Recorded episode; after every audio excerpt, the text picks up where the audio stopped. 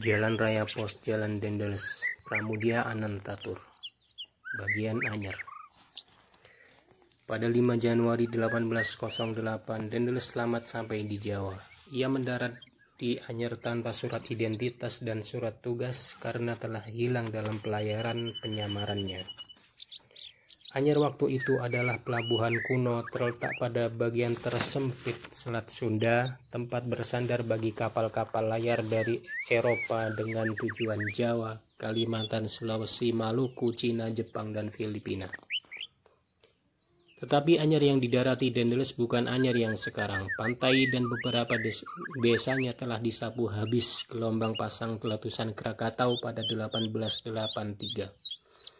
Juga benteng yang didirikan Daedalus di sini kebetulan sekali penduduk benteng pendudukan benteng itu ditarik sekitar dua bulan sebelum dihancurkan gelombang pasang tersebut.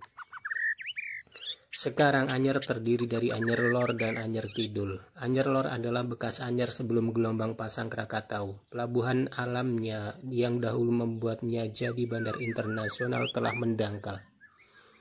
Kini tinggal jadi tujuan tempat wisata laut maka orang sudah tak sempat mengingat lagi bahwa tempat ini pernah menjadi medan perlawanan rakyat melawan kompeni Belanda baik sebelum maupun sesudah Dendeles. Anyer secara tradisional adalah bagian dari, dari Kesultanan Banten dan secara tradisional pula Kesultanan Banten dan rakyatnya melawan penjajahan asing. Anyer tidak terkecuali. Terhadap bombardemen Meriam, Meriam Company, rakyat bertahan di balik perbentengan dari batang-batang kelapa yang kenyal terhadap peluru meriam. Bila terdesak dengan perahu-perahu kecil, mereka menyeberang ke Pulau Sangiang atau meneruskan perlawanan di Lampung yang secara tradisional merupakan bagian wilayah Kesultanan Banten. Pulau Sangiang yang terletak di tengah-tengah Selat Sunda oleh Belanda dinamai Dwars Indenweg Island. Pulau melintang di tengah jalan. Tapi nama ini tidak pernah hidup dalam bahasa maupun geografi Indonesia, suatu keluar biasaan. Nama-nama lain yang berhubungan dengan kelautan, tanjung, teluk, selat, laut, karang yang ditentukan oleh Belanda sehubungan dengan kebutuhan pelayaran dan pemetaan laut praktis semua diterima oleh Indonesia. Malahan juga ejaan salah bikinin por, bikinan Portugis seperti Kerajaan Samudra dan Pasai menjadi Sumatera, Brunei menjadi Borneo, dan Tanjung Bunga menjadi Flores. Jadi waktu Daniels menginjakkan kaki pertama kali di Anyer, tempat ini adalah sebuah bandar ramai tempat pertemuan antara kapal-kapal layar Cina yang hendak pulang dengan yang hendak meneruskan pelayaran ke barat. Tidak mengherankan bila Daniels menduga tempat ini pula di tempat ini pula Inggris bakal mendarat untuk memulai penguasaannya atas seluruh Jawa.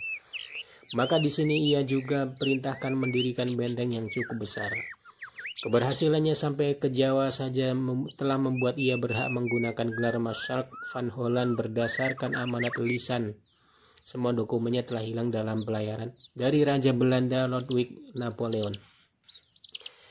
Untuk orang berhati baja seperti dia, ketiadaan dokumen bukan suatu halangan. Sebagai Marshal dan Gubernur Jenderal, ia tempuh perjalanan darat ke Batavia selama empat hari, langsung menggeser Gubernur Jenderal W.C langsung merampas hak-hak menentukan kebijaksanaan pemerintahan dari tangan Dewan Hindia yang biasa juga dinamai pemerintahan pemerintah agung.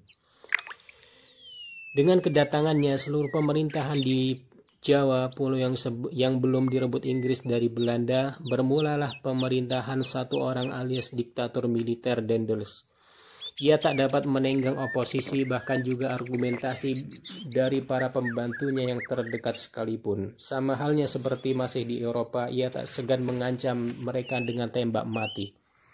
Semua program pembangunannya harus dilaksanakan segera tak peduli berapapun korban yang jatuh. Dengan demikian bermulalah reformasi pemerintahan, hukum, perombakan dalam tubuh kekuasaan company dan untuk pertama kalinya diterbitkan surat kabar dengan tujuan untuk mempropagandakan kebijaksanaannya. Batavia Sekolonial Likoran dengan surat kabar ini secara pers Indonesia bermula. Pada 1809 terlaksana pembangunan jalan raya pos Jalan Dendeles Anyer Panarukan sekitar 1000 km dalam waktu satu tahun. Satu rekor dunia pada masanya, Anyer Batavia yang pernah ditempuhnya selama empat hari setelah ruas jalan raya pos tersebut selesai dapat ditempuh hanya dalam satu hari. Dan Anyer Panaruka dibandingkan pada masanya sama dengan jalan Amsterdam-Paris.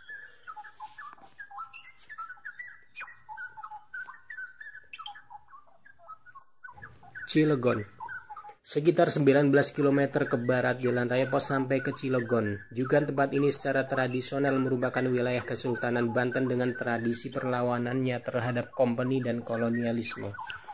Sejarah tak dapat melupakan betapa terjadi pemberontakan rakyat pada 1887 dengan dibunuhinya penduduk Eropa termasuk asisten residennya. Dari Cilegon ke barat laut, sebuah ruas jalan 14 km menghubungkannya dengan Merak pada teluk bernama sama dengan Pulau Merak di lepas pantai. Untuk pertahanan menghadapi serbuan Inggris juga Dendels membangun benteng di sini untuk mengawasi perairan Selat Sunda. Tetapi pembangunan benteng tersebut gagal total. Baik para pekerja paksa pribumi, serdaru infanteri maupun kesatuan-kesatuan artileri disapu habis oleh malaria. Cilegon kulewati bolak-balik dua kali dalam perjalanan ke Palembang dan Medan dengan kapal.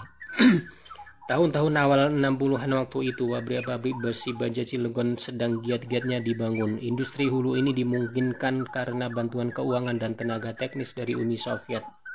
Dengan jatuhnya Orde Lama, industri sedang dalam pembangunan ini menjadi kurban rayahan sebagaimana nasib instansi-instansi lain yang dianggap tidak bertuan. Sekarang Cilegon telah menjadi daerah industri dan di atas puing, puing pabrik peluburan besi baja telah berdiri industri itu juga.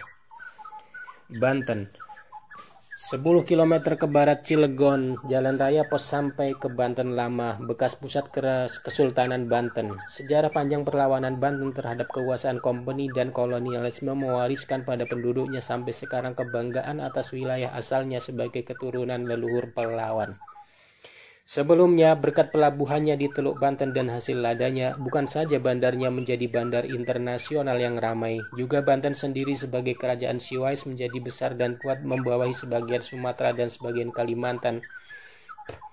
Bangsa Eropa pertama yang mendarat di Bandar Banten adalah Portugis pada 1522 langsung saja terjadi persahabatan dan persekutuan. Soalnya pan-islamisme sporadik yang berkembang untuk melawan kekuasaan laut Portugis Spanyol telah mengancam kerajaan Banten. Maka terhadap ancaman pengislaman yang datang dari kerajaan Islam pertama Demak, Banten serta merta menyambut gembira para karsa Portugis yang hendak mendirikan benteng di Banten. Lima tahun kemudian Portugis datang lagi untuk melaksanakan pembangunan benteng. Terlambat, Banten sudah jatuh ke tangan kekuasaan Islam. Portugis yang disambut dengan cemoohan terpaksa pulang balik ke Malaka. Sejak itu Banten diperintah oleh para raja atau sultan Islam. Gelar sultan mulai dipergunakan oleh para raja Banten setelah terbebas dari suzerainitas kerajaan Demak dan kemudian juga dari suzerainitas kerajaan Mataram di Jawa Tengah. Jauh sebelum Daniels mendarat di Anyer pada 1596 untuk pertamanya untuk pertama kali datang armada Belanda untuk berbelanja lada. Sebagaimana halnya dengan kedatangan Portugis 3 per 4 abad sebelumnya, juga Belanda disambut dengan senang hati oleh Banten. Soalnya pada tahun tersebut, Pangeran Muhammad pendiri Masjid Agung Banten yang masih dapat disaksikan sampai sekarang gugur dalam perang melawan Palembang. Banten mengharap dapat bantuan dari Belanda untuk melawan Palembang. Nyatanya Belanda menolak. Dengan panji-panji Islam, Banten memperluas pengaruh dan kekuasaannya ke seluruh Jawa Barat dalam dekade pertama abad 17. Di sini kekuasaan Banten tertumbuh pada kekuatan Mataram yang telah menundukkan seluruh priangan dalam baris jauh tentaranya untuk mengusir kompeni Belanda dari Batavia. Kuatir pada hegemoni Mataram, Banten menolak ajakan Mataram untuk bergabung dalam mengusir kompeni Belanda. Ofensif Mataram terhadap Batavia pada dekade-dekade dua pada dekade kedua dan ketiga abad 17 memang gagal, tetapi Belanda tetapi bagi Belanda kecurigaannya terhadap Banten yang begitu dekat dengan Batavia semakin Banten menjadi kukuh semakin menggelisahkan company. Kemudian terjadilah kisah nyata spionase untuk meruntuhkan Banten. Ini terjadi pada pem ini terjadi semasa pemerintahan Gubernur Jenderal Van Imhoff. Bagaimana lagi, Pelabuhan Banten adalah bandar penumpukan komoditi perdagangan internasional yang berasal dari seluruh wilayah Kesultanan Banten dan dari tempat-tempat semenanjung Selat Sunda. Persaingan antara Banten dan Batavia sebagai bandar dagang tak pernah menyusut. Jadi dalam pemerintahan Van Imhoff, seorang gadis Arab Fatimah oleh kompeni Belanda dipersembahkan kepada Sultan Arifin dari Banten. Begitu diberi istri, Fatimah langsung melancarkan aksi-aksinya sesuai yang dikehendaki kompeni Belanda. Langkah pertama adalah mengajukan dakwaan kepada Sultan bahwa putra mahkota Banten berniat hendak menyerbu istana, membunuh Sultan dan mengangkat diri menjadi Sultan Banten. Karena lebih percaya pada Fatimah, tanpa pikir panjang putra mahkota ditangkap diserahkan pada kompeni dengan permintaan agar dibuang ke Ambon. Dengan senang hati kompeni mengabulkan. Si gadis Arab kemudian mengangkat kemenakannya sendiri menjadi putra mahkota Banten. Menyadari akan kekeliruannya, Sultan Arifin kehilangan akal warasnya. Suatu pemberontakan besar terjadi, apalagi masih dalam hidupnya kemenakan si gadis Arab tersebut diangkat menjadi Sultan Banten. Gembira pada hasil usahanya, Gubernur Jenderal mengirimkan hadiah pada Sultan baru pada hari penobatannya dan bukan tanpa hadiah-hadiah. Utusan pun bukan orang sembarangan, Direktur Jenderal Jacob Mosel yang kelak menjadi Gubernur Jenderal. Untuk menyelamatkan kemenangannya, kompeni Belanda menangkap Arifin dan membuangnya ke, ke Ambon. Rakyat Banten yang pendapat nya tentang Sultan baru tidak dipinta menjadi marah dan meledak pemberontakan besar pada Oktober 1750. Terkena sekali pukulan tentara Ratu Fatimah hancur, juga bala bantuan kompeni yang didatangkan dari Batavia termasuk kesatuan-kesatuan artilerinya. Harta kekayaan kompeni yang ikut binasa adalah setengah juta pon lada yang dikumpulkan Fatimah untuk kompeni. Kesatuan-kesatuan kompeni terhalau sehingga tinggal bertahan dalam dua bentengnya, Spelwick dan Diaman.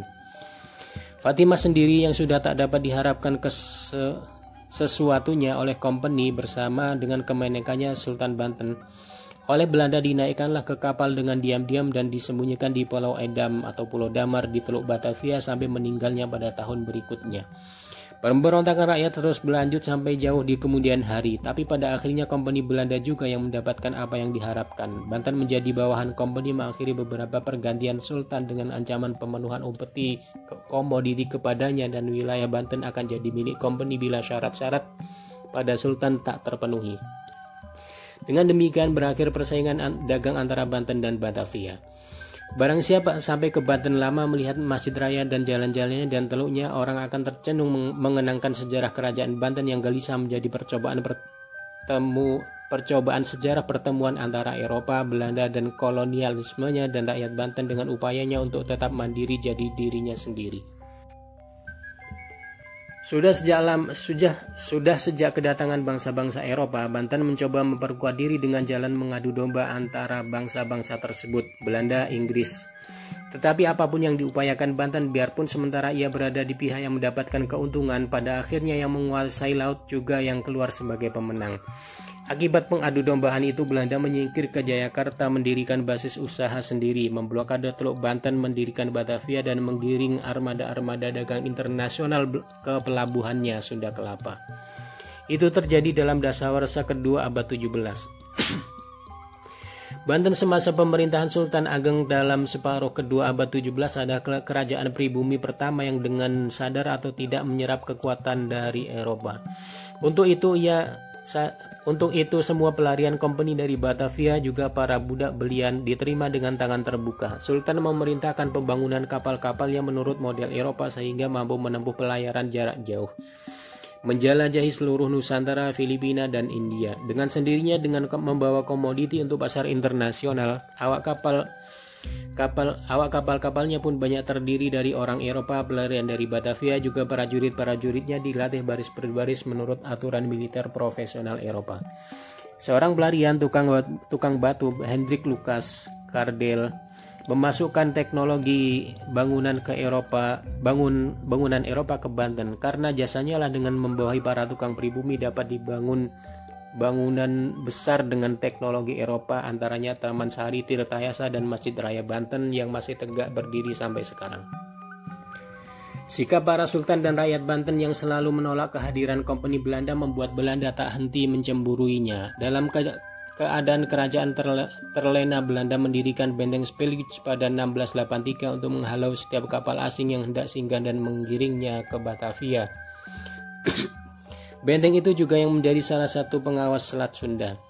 Tidak mengherankan dengan berbagai alasan Dendels dalam tahun pertama jadi gubernur jenderal telah memporak-porandakan kekuasaan Sultan Banten dan menyita bagian-bagian tertentu wilayahnya. Ia curiga jangan-jangan Banten bermain mata dengan Inggris sebagaimana halnya dengan kerajaan Palembang. Bukan kebetulan bila Dendels memerintahkan pembangunan jalan anyar Batavia sebagai prioritas utama. Dengan adanya, adanya jalan ini secara teoritis tentaranya akan segera dapat didatangkan dari Batavia bila Inggris menyerbu. Banten Lama sekarang juga menjadi tujuan wisata dalam dan luar negeri. Namun sikap penduduknya tidak berubah, bangga terhadap sejarah nenek moyangnya yang terus-menerus melawan penjajahan biarpun akhirnya kalah juga.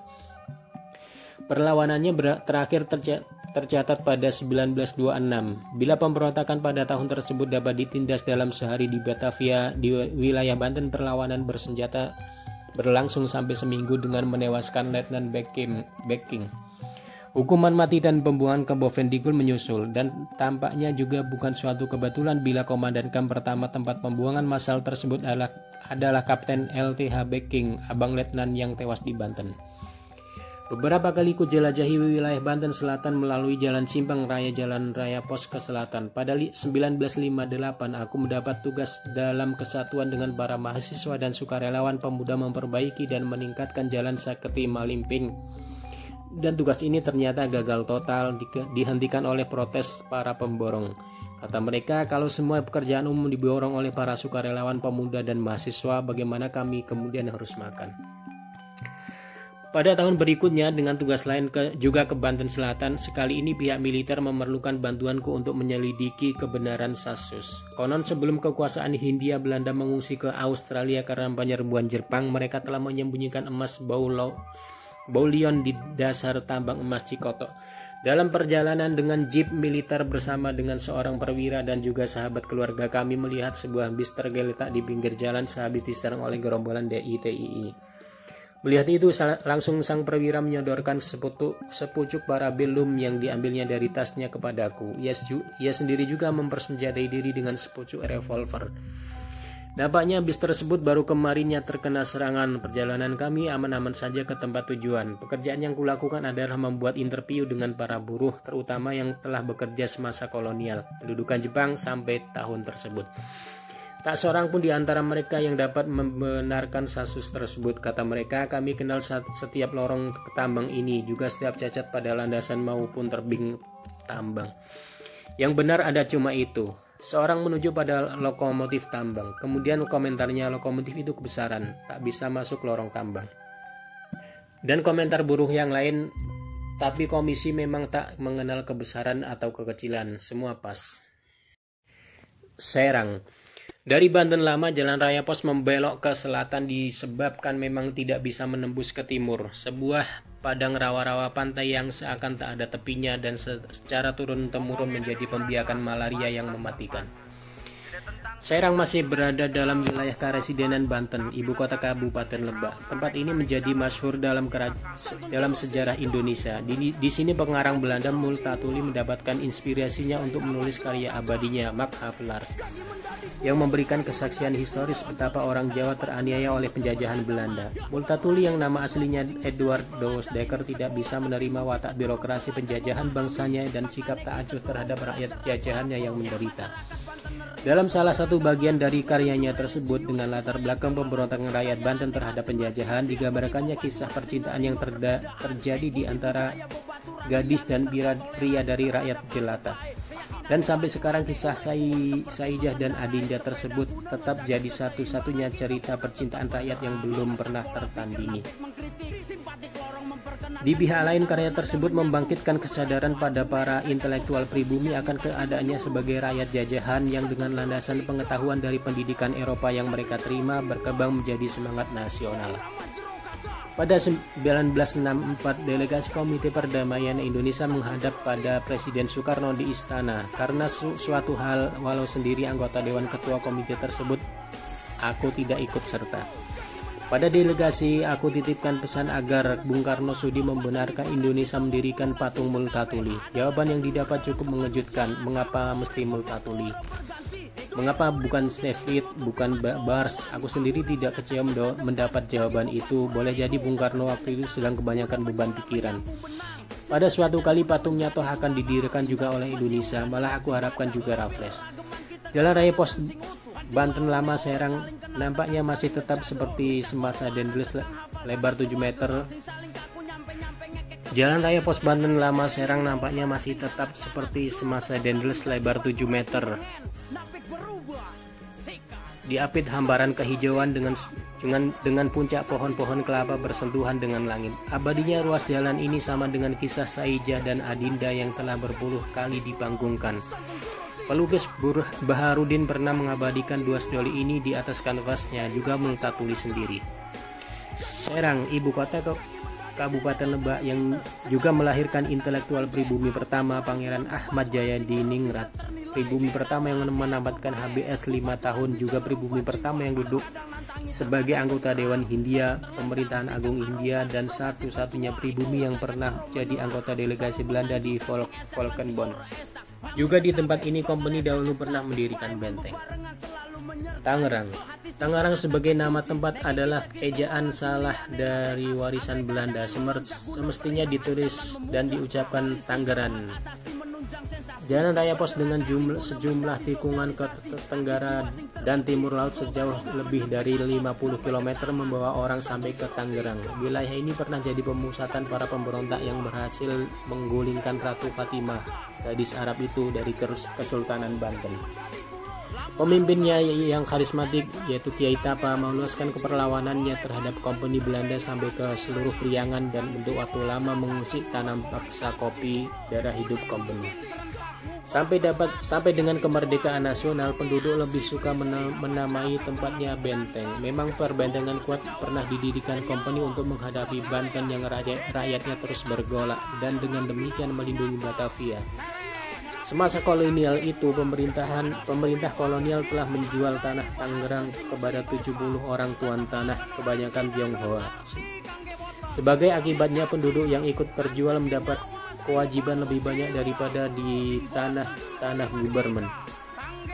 Penduduk yang tak berdaya secara hukum menghadapi persekongkolan kolonial dengan tuan tanah melahirkan para jawara atau para jagoan sebagai kekuasaan tandingan dengan aksi-aksinya yang menurut ukuran hukum yang berlaku ialah kriminal. Mereka membentuk gerombolan-gerombolan yang mengganggu kemapanan kolonial dan tuan tanah. Namun perlindungan pada tuan tanah tetap lebih unggul berbanding dengan para jawara gerombolan-gerombolannya. Tradisi jawara tanpa tuan tanah dalam era kemerdekaan nasional menjadi sumber kriminalitas.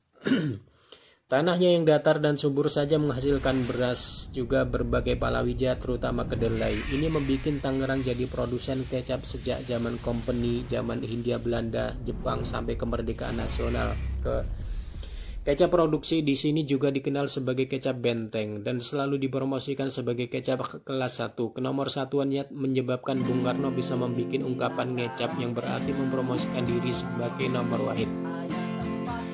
Topi anyaman bambu telah membuat tempat ini terkenal di dunia. Pada 1887 saja Tangerang telah mengekspor topi 145 juta buah terutama ke Paris. Telah menjadi kebiasaan dalam kurun tersebut topi Tangerang dipergunakan oleh para pekerja pelabuhan baik di Eropa maupun di Aus maupun di Amerika dan terutama Amerika Latin. Sejak masa pendudukan Jepang disusul revolusi dan kemerdekaan nasional, industri topi bambu gulung tikar dan nampaknya tak akan bangun lagi untuk selama-lamanya. Tangerang dibelah oleh Sungai Cisadane. Konon dahulu sungai ini jadi perbatasan antara Kesultanan Banten dengan Kerajaan Jayakarta. Benteng yang didirikan company di sini dinamai Tangerang yang menyebabkan mulai dari sini sampai ke muaranya di Cisadane dinamai Kali Tangerang.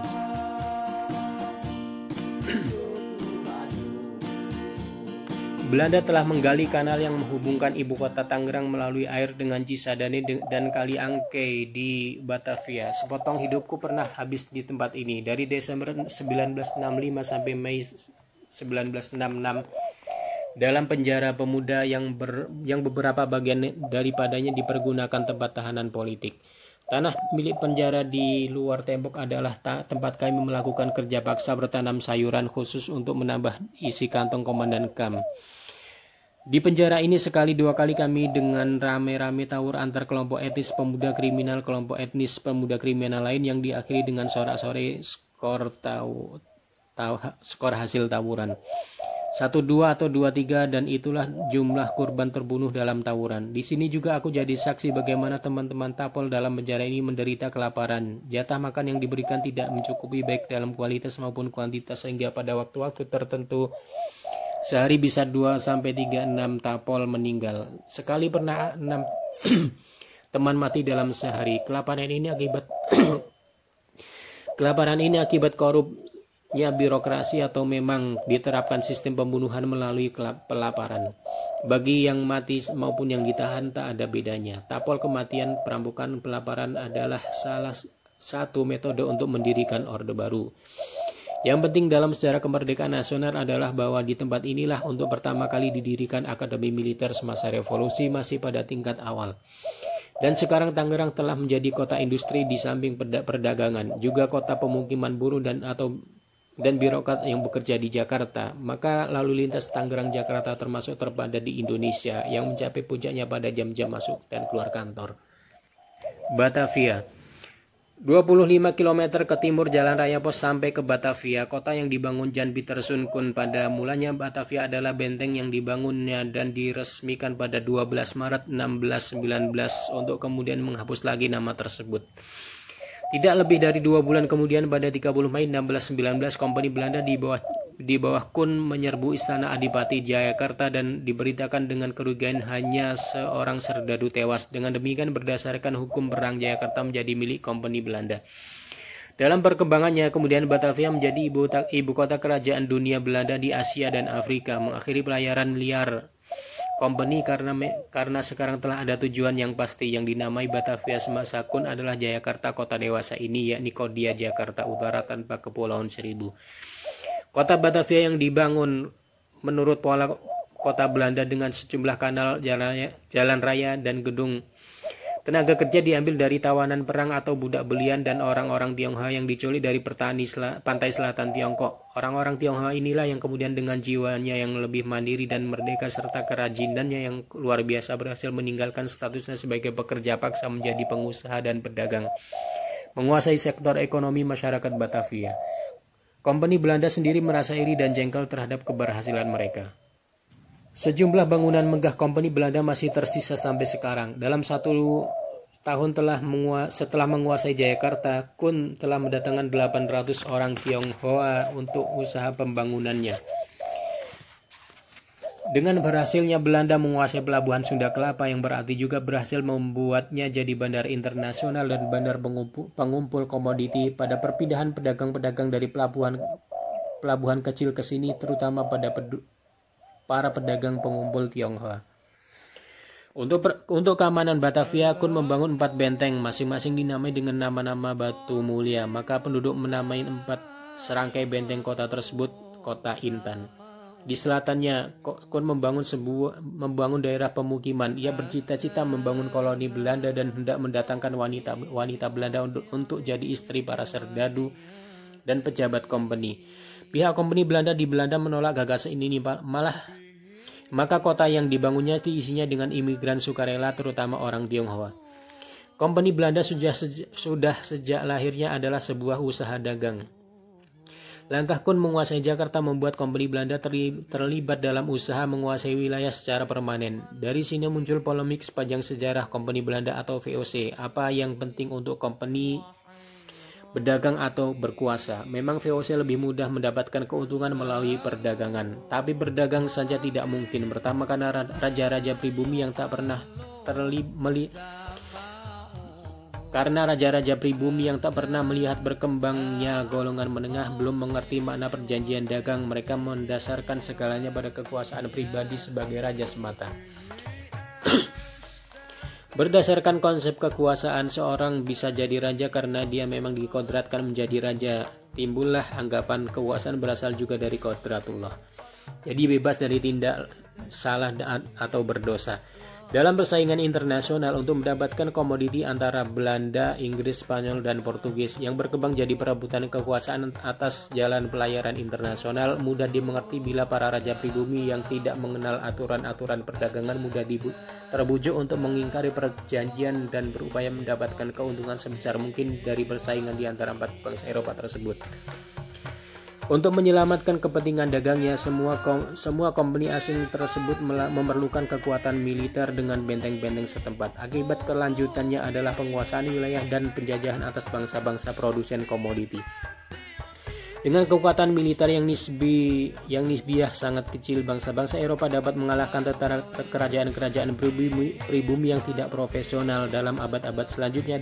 Dunia non-Eropa praktis telah terjajah oleh bangsa-bangsa Eropa. Dana dan daya dunia non-Eropa tersedot tanpa henti untuk kekayaan, kemakmuran, kekuatan, dan kemajuan Eropa. Perang Dunia II mengakhiri perebutan jajahan atas bangsa-bangsa non-Eropa dengan usainya Perang Dingin yang memperebutkan keunggulan sistem politik dan ideologi pada menjelang akhir abad 20, Eropa kemudian meluas menjadi barat melakukan penjajahan baru atas bangsa-bangsa non-Eropa non-barat melalui neokolonialisme. Negara-negara non-barat tetap diperlakukan sebagai per, sebagai perdagangannya dan kekuasaan kekuasaan setempat diperlakukan sebagai satpam semata untuk menjaga kepentingan pasar mereka. Dan penduduk yang kini juga dinamai dunia selatan atau dunia ketiga diperlakukan sebagai konsumen semata. Barat yang telah dibikin kaya, kuat, dan maju oleh dunia selatan tetap memegang kendali dunia dan dengan kekayaan, kekuatan, dan kemajuannya mereka menjerat kurbannya dengan hutang luar negeri dan diharapkan sampai dunia kiamat mungkin juga sampai setelah itu di akhirat. Penguasaan Kun atas Jayakarta, pendirian Batavia sampai dengan pembangunan jalan raya pos tak lain dari sarana babak sejarah umat manusia dunia selatan untuk menjadi ladang dan tambang kemakmuran dunia utara. Nampaknya pembangunan Batavia yang menggunakan tenaga kerja paksa multirasial tawanan perang bangsa-bangsa Asia dan multi etnis tawanan perang dari Nusantara sendiri merupakan prototip dari apa yang bakal terjadi selanjutnya dalam abad-abad kemudian. Dalam abad 18, Batavia sudah menjadi julukan sudah mendapat julukan Ratu Timur karena kemegahan gedung-gedungnya, kemakmuran penduduknya termasuk para budak beliannya, dan jaringan perdagangan internasional yang dan jaringan perdagangan internasionalnya yang maha luas dengan dukungan ke keperkasaan di lautnya. Tetapi dekat sebelum Dendels merombak tata kekuasaan dan sub-sub sektornya di Jawa terutama korupsi yang terjadi dari persekongkolan antara pejabat Eropa dan kaum feodal pribumi telah membuat keropos kejayaan kolonial. Korupsi memang tidak Korupsi memang tindak kejahatan menurut hukum pidana Eropa. Celakanya tidak demikian bagi para penguasa pribumi. Setiap orang dalam tata susun feodal pribumi yang vertikal itu merasa berhak mendapatkan upeti bawahannya dari jadi bukan suatu kejahatan. Celakanya ada dari kalangan rakyat jelata yang merasa bersyukur bila dapat mempersembahkan upeti sampai keluar sampai di luar kemampuannya kepada para pembesarnya sendiri. Abdullah bin Muhammad Al-Misri pengarang dalam bahasa Melayu menulis memoir tentang semasa Dendels dalam eh, pada kurung lebih pada kurang lebih 1815 bahwa semua kekayaan dari bumi Jawa harus sampai ke negeri Belanda karena memang begitu si Opus menipu pegawai pelabuhan yang men menipu juri tulis kantor yang menipu Petor dan Petor menipu anggota Dewan Hindia dan menipu gubernur jenderal gubernur jenderal menipu majikannya Raja Belanda. Pengarang berbahasa Melayu tulisan Arab tersebut memang cuma meledek korupsi yang terjadi sejak opas kantor sampai pada gubernur jenderal, korps pejabat pribumi dan Eropa bersama-sama. Semua yang dikorup tak lain daripada dana dan dana, dana dan daya rakyat kecil petani. Dan betapa terkejutnya Inggris waktu mendapat men, waktu mendarat di Jawa setelah, setelah kepergian Dendels pada 1809 bahwa petani Jawa hanya dapat menikmati seperempat dari hasil panennya. 13 per 4 13 per 14 adalah untuk membiayai tata susun feodal pribumi sendiri, kekuasaan kolonial dan kemakmuran serta kesejahteraan Belanda, Eropa. Dari sisa yang seperempat belas itu, kepentingan pribadi dan keluarganya masih harus membayar mahal pada para pemegang pah atau pemborong monopoli pasar, penjagalan madat, bilasi petani, penghisap madat, dan sejumlah pah lain termasuk jembatan-jembatan tertentu. Biasanya pemegang pah adalah orang Tionghoa yang memperolehnya dari company melalui ke, melalui lelang. Dari Raja Belanda sampai Dewan Hindia dan Gubernur Jenderal, Residen dan birokrasinya, Bupati sampai pamong desa terendah, semua hidup dari penghasilan petani. Jadi bagaimana petani Jawa bisa hidup? Orang Inggris menjawab tersendiri karena kesuburan tanahnya. Justru karena itu petani sebagai lapisan terbawah masyarakat tidak boleh menjadi bebas. Lebih buruk lagi setiap saat mereka terbuka terhadap pembunuhan dalam sastra babat pribumi, pembunuhan yang terjadi atas kelas feodal besar kesempatan tercatat di dalamnya.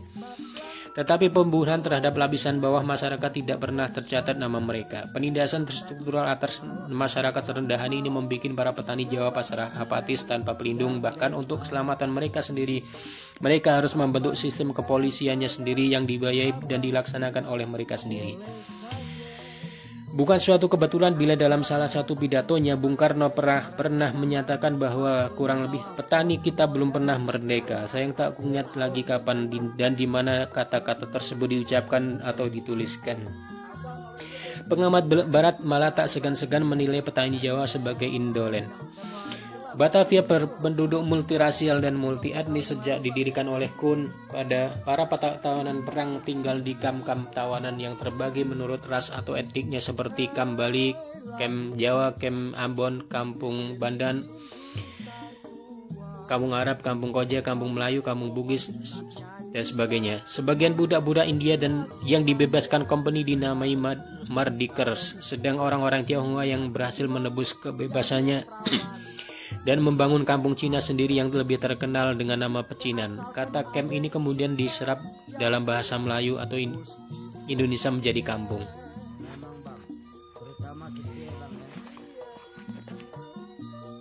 Pergaulan antar ras dan antar etnik melahirkan lingua franca Melayu Betawi juga apa yang kelak dinamai seni dan budaya Betawi yang mempunyai kecenderungan Tionghoa terutama di bidang, di bidang musik dan tari. Waktu Batavia diserang oleh Mataram pada 1628 dan 1629, budak-budak dan tawanan perang yang ikut membela Belanda mendapatkan pembebasan karena kesetiaannya.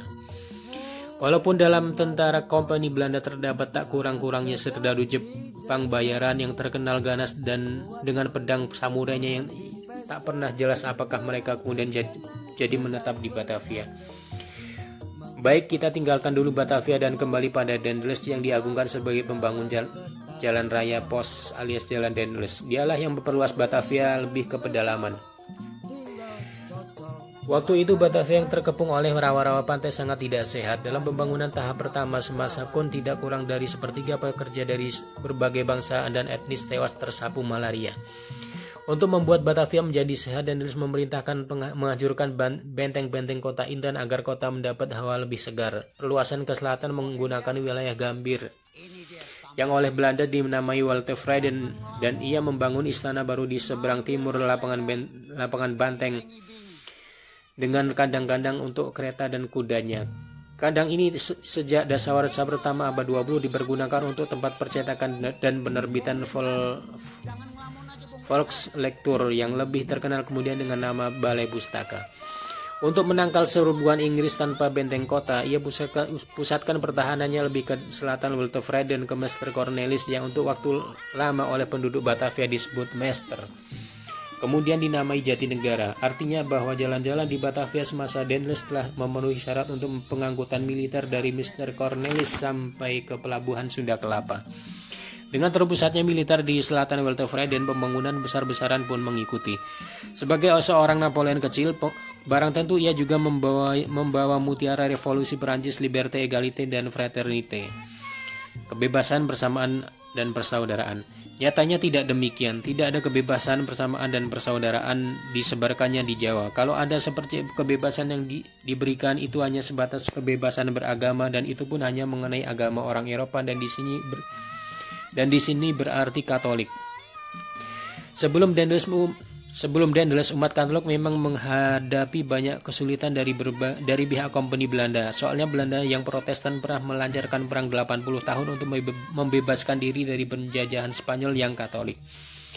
Perang laut antara Belanda dan Spanyol dan Portugis adalah buntut perang 80 tahun. Untuk Mudah untuk mengerti mengapa Kun menindas umat Katolik di Maluku dan hanya memberikan beras kepada umat Katolik yang taubat dari Protestan. Jadi kebebasan beragama yang diberikan Daniels di Jawa tak lebih artinya daripada pengakuan pada kehadiran, kehadiran Katolik. Bagaimanapun terbatasnya pekerjaan di pekerjaan reform di bidang keagamaan ini bukan tidak penting. Dalam masa pemerintahannya, Oltefrenden ia sulap menjadi pemukiman, perkantoran sipil maupun militer yang mempesonakan. Dan waktu itu dan waktu ia meninggalkan Jawa, istana yang dibangunnya belum sepenuhnya selesai pemasangan atapnya. Sebagai bukti bahwa ia telah menularkan mutiara revolusi, revolusi Perancis, ia bangun gereja Katolik yang besar, megah, menjulang tinggi menurut tradisi Katolik Eropa. Nama Batavia nama Batavia hapus dari peta sejarah pada bulan-bulan pertama pendaratan bala tentara Jepang. Melalui keputusan pemerintahan kependudukan Jepang, nama itu diubah menjadi Jakarta sesuai dengan keinginan kaum nasionalis. Semasa desa-desa terakhir pemerintahan kolonial, nama itu pun sudah dipergunakan secara sporadis oleh kaum nasionalis, tetapi yang paling gigih dan paling lama menggunakannya adalah Lembaga Pendidikan Nasional Taman Siswa dan para lulusannya. Dalam bulan Juni atau Juli 1942, setelah diperintahkan meninggalkan rumah keluarga, aku mulai tinggal di Jakarta. Sebagian besar hidupku, hidupku pun kulewatkan di sini. Waktu dal, waktu waktu datang untuk pertama kali aku terkesan pada keanggunan, kebersihan dan keteraturan sisa-sisa kehidupan kolonial ibu kota negara Hindia ini. Rasanya jauh lebih beradab dari Surabaya. Tiga setengah tahun masa pendudukan militeris Jepang, Jakarta tak terurus lagi kebersihannya. Aspal jalanannya pada terkelupas, tak jarang bagian-bagian yang hancur karena sudah tak mampu lagi menanggung beban truk. Tank dan panser Jepang membuat susunan batunya porak-poranda. Jalur kiri kanan badan jalan ditumbuhi ilalang berdebu yang cukup rapat dan tinggi. Dan pada bulan-bulan terakhir pendudukannya, tidak jarang pejalan kaki terhalang oleh mayat orang kelaparan tanpa ada pertolongan oleh siapa pun dan dengan apa pun. Setiap orang terancam oleh nasib yang sama. Jakarta sebagai kota proklamasi mengalami kebangkitan dari kelesuan pendudukan Jepang pada Agustus 45. Di luar dugaan penduduk, penduduk yang kelaparan dan hanya memiliki sisa terakhir kekuatannya bersorak menyambut kemerdekaan nasionalnya sendiri. Sejak itu Indonesia milik nasion Indonesia. Namun Jakarta juga kota pertama-tama yang menanggung akibat keproklamasinya. Sekutu di sini Inggris seme pemenang Perang Dunia Kedua, kemudian juga bersama Belanda, tidak bisa melihat bangsa yang ratusan tahun jadi sumber penghisapan bangkit menjadi jadi merdeka jadi dirinya sendiri. Juga sisa-sisa bala tentara Jepang yang tak bisa melihat bangsa yang begitu dalam dihinakannya bangkit merdeka keluar dari tangsi-tangsinya secara liar dan menyebabkan teror. Orang-orang Indonesia yang kelapar dan orang-orang Indonesia yang dengan yang kelaparan dan setengah kelaparan tanpa senjata perang melawan dan dengan demikian revolusi fisik pecah Bangsa jajahan melawan para bekas majikannya. Dua tahun revolusi berkecamuk dan aku sendiri kemudian mendarat di penjara Bukit Duri sebagai tahanan Belanda 1947. Sebagian kerja paksa yang ditimpakan pada kami adalah menyingkirkan kotoran peninggalan Jepang, membabati ilalang pinggir jalan, lapangan gambir, tangsi-tangsi militer, tempat penimbunan rongsokan alat perang dari Jatinegara sampai Tanjung Priok.